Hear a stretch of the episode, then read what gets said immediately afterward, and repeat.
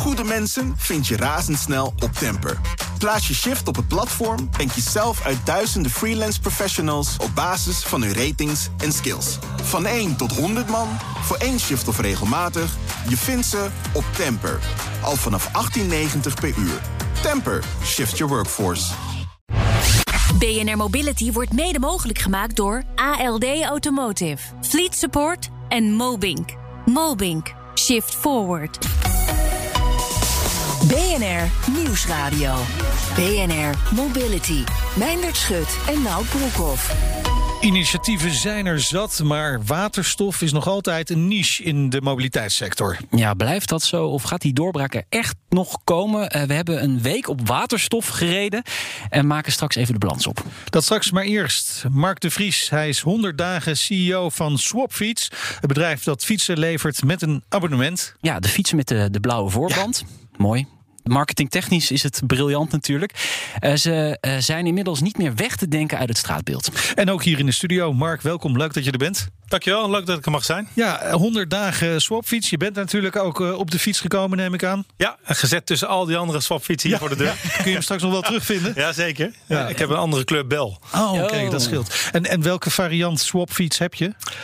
Ja, ik heb de e-bike. De e-bike, oké. Okay. Oh, doe maar chic meteen. Ja. Nou, het liefste fiets ik op een normale fiets, maar ook in het weekend op een racefiets. Maar uh, ja, toch van kantoor hier naartoe is een e-bike heerlijk om eventjes door de stad ja, heen te cruisen. Dit is even een persoonlijke waarneming. Ik heb ook een elektrische uh, fiets, een hele mooie designfiets. Je weet wel van welk merk. Um, bijna kom, een swapfiets. Ja, bijna een swapfiets. Ik kom, ik kom dus ook heel veel swapfietsers tegen. Ja. Noem je dat eigenlijk zo inderdaad, swapfietsers? Ja, in Nederland noemen we het swapfietsen. Oké. Okay. De swapfietsers, ja, echt dus in Nederland. De, de swapfietsers, die kom ik regelmatig tegen. En dan valt mij op dat ik zelfs met mijn elektrische eh, fiets nog maar net er voorbij kom. Ze gaan allemaal zo hard. Hebben ze allemaal zoveel haast? Nee, ik denk dat ze op een hele goede en snelle en goed onderhouden fiets fietsen. ja. Ik denk dat dat het is. En het zijn jonge mensen meestal. Nou ja, het, het, waren heel erg jonge mensen. Ja. Het is echt een, een studentenmerk. Ontstaan in Delft, opgericht door drie studenten. Engineers, maritieme techniek.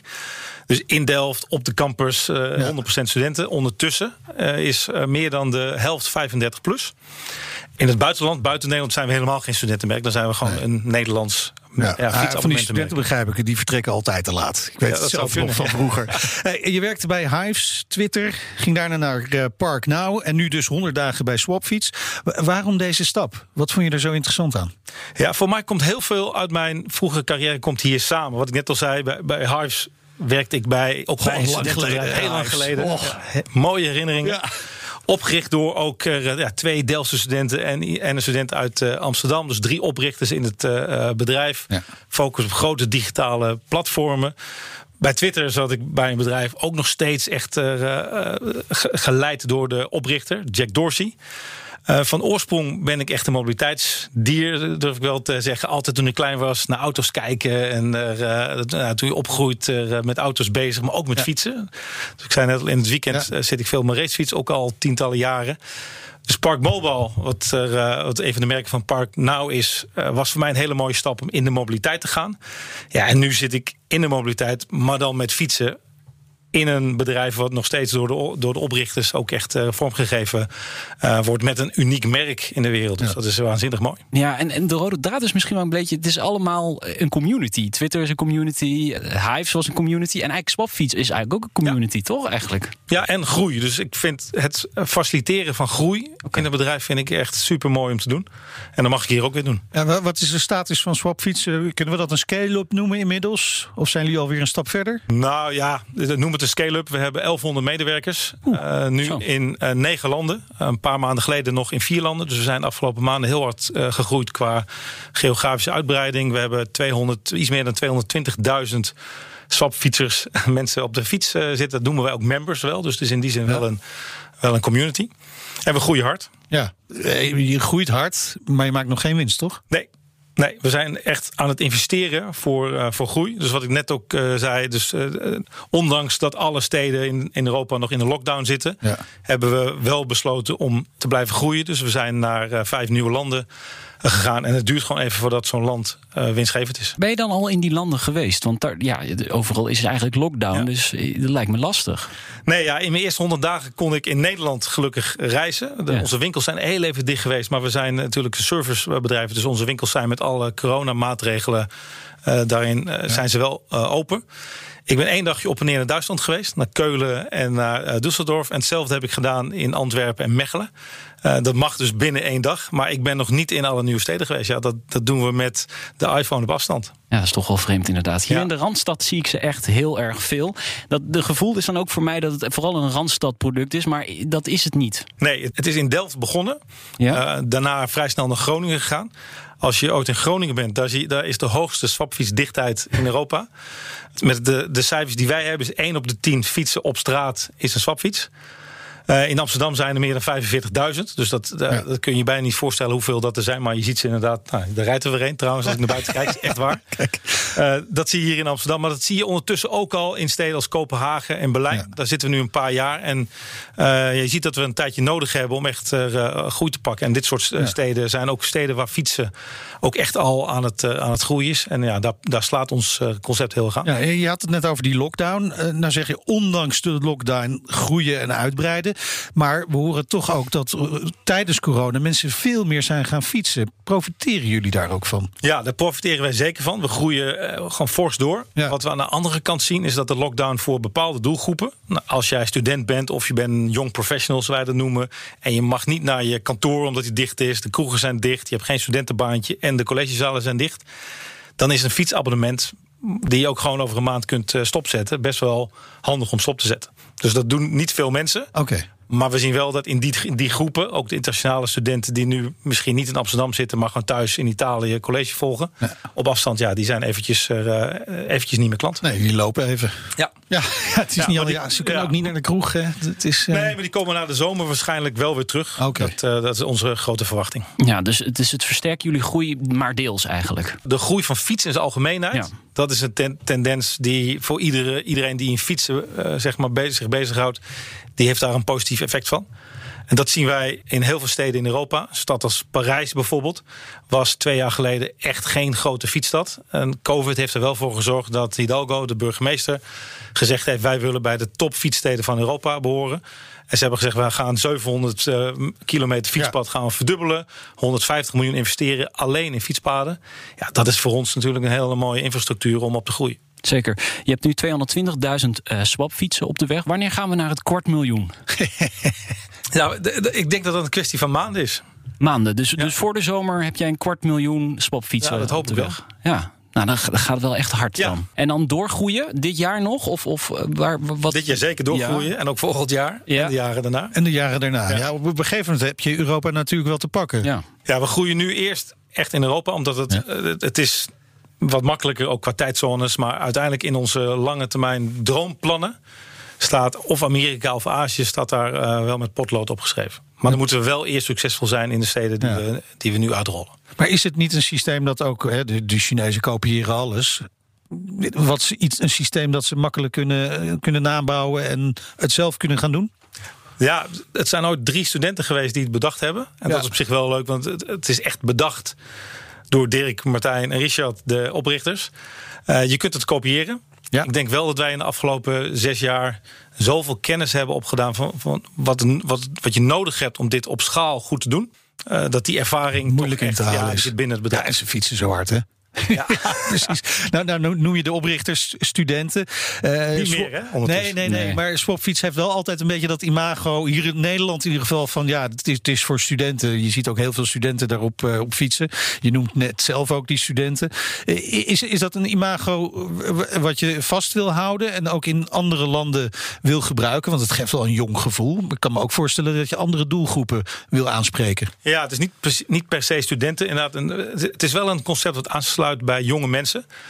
Als je echt gaat nadenken over de voordelen van het concept, dan komt meteen circulariteit en sustainability naar voren. Een fiets is natuurlijk veel, uh, veel duurzamer dan een auto. Maar dan hebben wij ook nog het voordeel dat wij die fietsen niet alleen zelf ontwerpen, maar ook ja. onderhouden.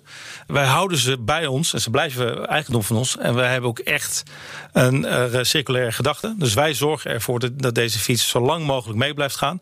En mocht die ooit aan het eind van zijn levensduur zijn, dan proberen we ook 100% circulair te zijn qua fietsen. Ja, bij, bij dit soort abonnementsvormen is het toch altijd een beetje een discussie of het nou voordelig is of niet. Hè? Je moet een beetje gaan rekenen. Nou, jij hebt dat rekensommetje gemaakt. Hè? Ja, ja, ik heb vier jaar geleden heb ik een tweedehands fiets gekocht.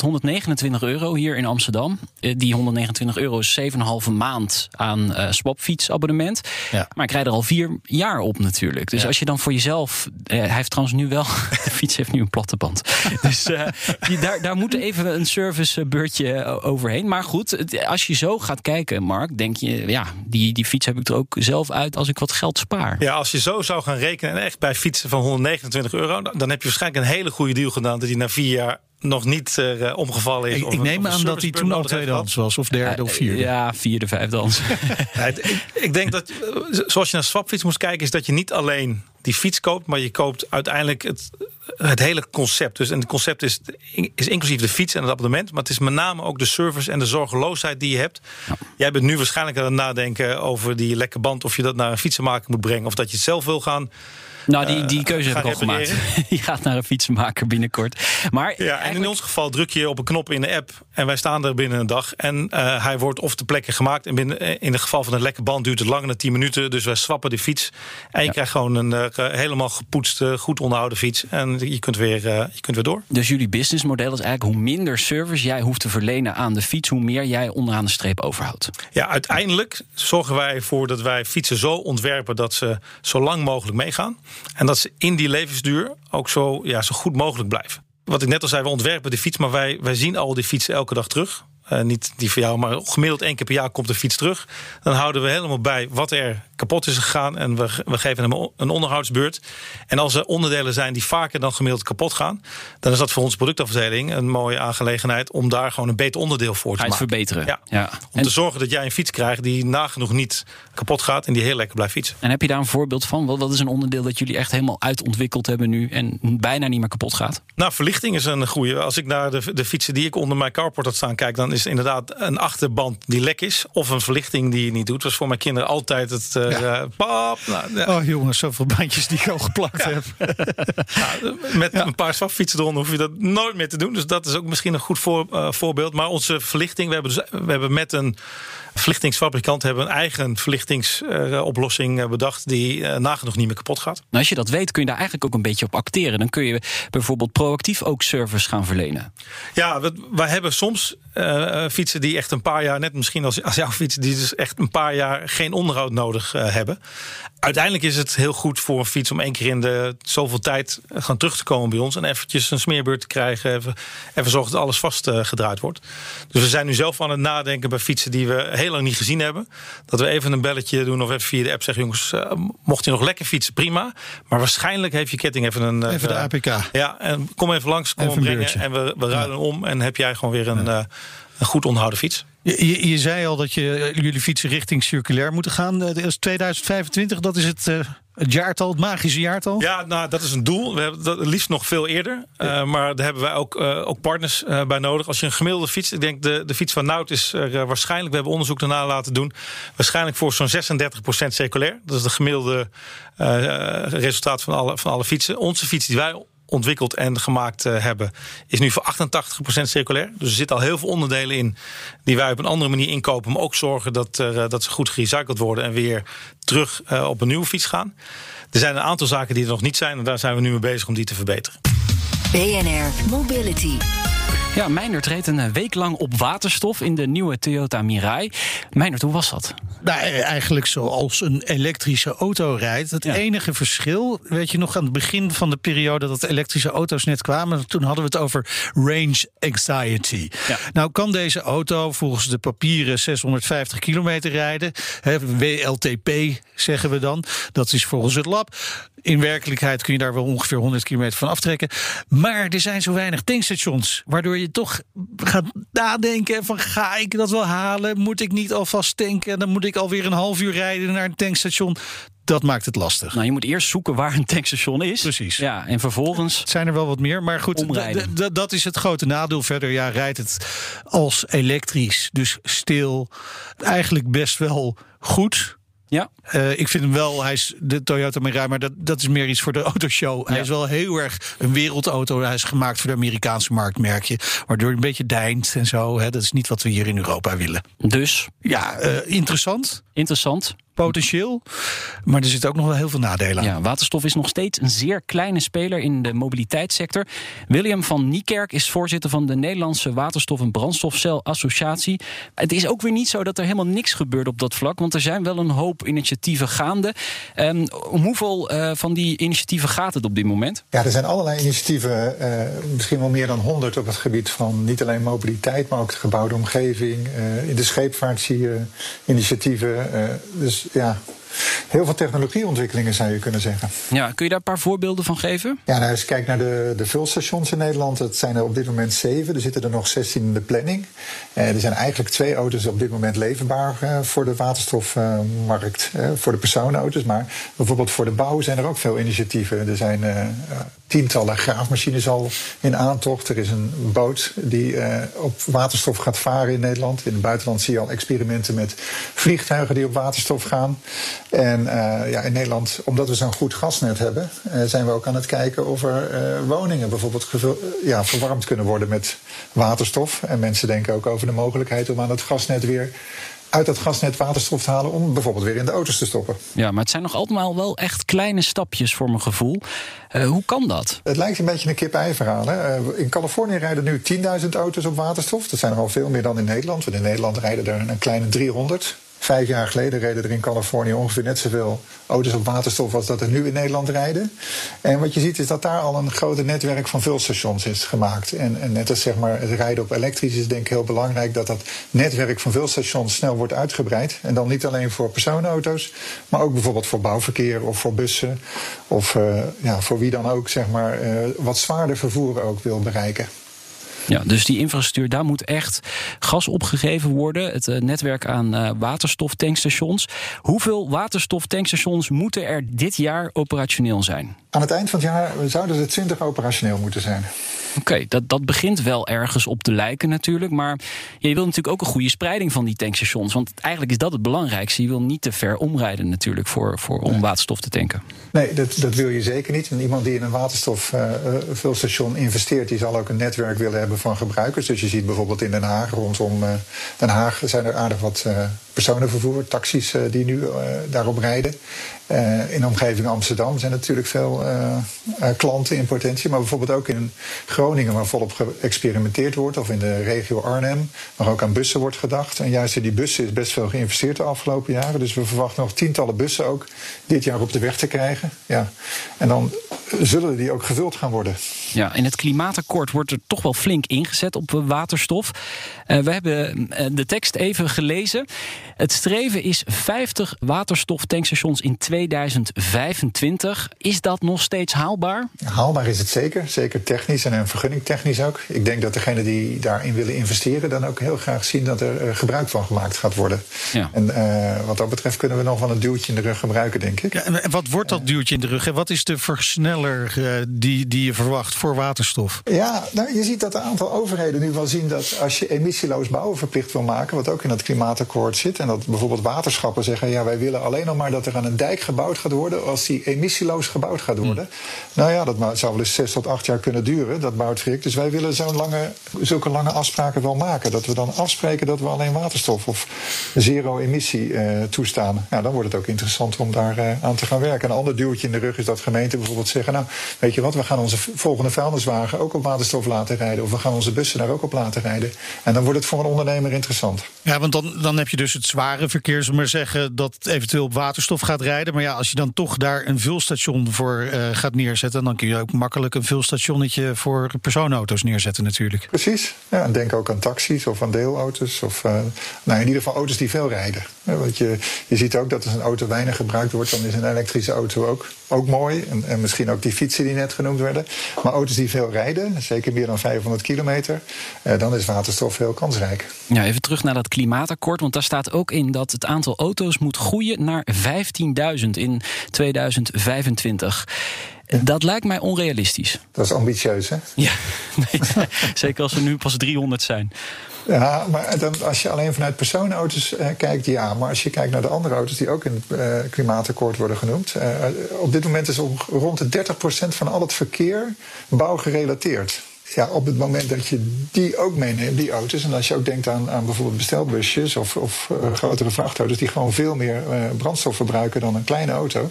Dan denk ik dat er toch nog wel veel te doen is. We moeten het woord auto's moeten we vervangen in voertuigen, denk ik. Ja, ja kleine auto's op waterstof, dat lijkt me nog wel een lastige vanwege alle technologie en de tank die je nodig hebt. Uh, vandaar ook dat de Mirai, die is vijf meter lang trouwens. Hè? Ja, bijna. Een sloep van een auto. Ja, zeker. Absoluut. En binnenkort daarvan een rijimpressie van de Toyota Toyota in de Nationale Autoshow. Ook een leuk programma om te luisteren. Absoluut. Bedankt uh, William van Niekerk. Hij is voorzitter van de Nederlandse Waterstof- en Brandstofcel Associatie. En dank ook aan uh, Mark de Vries, uh, CEO van Swapfiets. Wat, uh, wat ga je de komende maanden nog ja, doen? Een fiets op waterstof creëren ja. natuurlijk. Nee, ik, hopelijk na de lockdown kan ik naar de, naar de ja. nieuwe steden die we geopend hebben. En daar zijn we naast fietsen ook met stepjes en scooters aan het experimenteren. Dus dat lijkt me ook heel leuk om dat, daar de voortgang van te bekijken. Ja, stepjes is lastig hier in Nederland. Ja, dus die gaan we niet in Nederland aanbieden. Maar in Milaan bijvoorbeeld gaat het daar erg goed mee. En, en scooters ook? Ja. Is dat nog een optie voor Nederland? Nou, misschien op termijn. Maar we, we vragen eerst wat, wat onze klanten willen. En in de Zuid-Europese landen komt dat uh, direct naar boven. Die zijn elektrisch, dus nog niet de waterstof. Maar nee, uh, daar ga ik weet, uh, met veel weet. plezier naar kijken. Ja, zo is dat.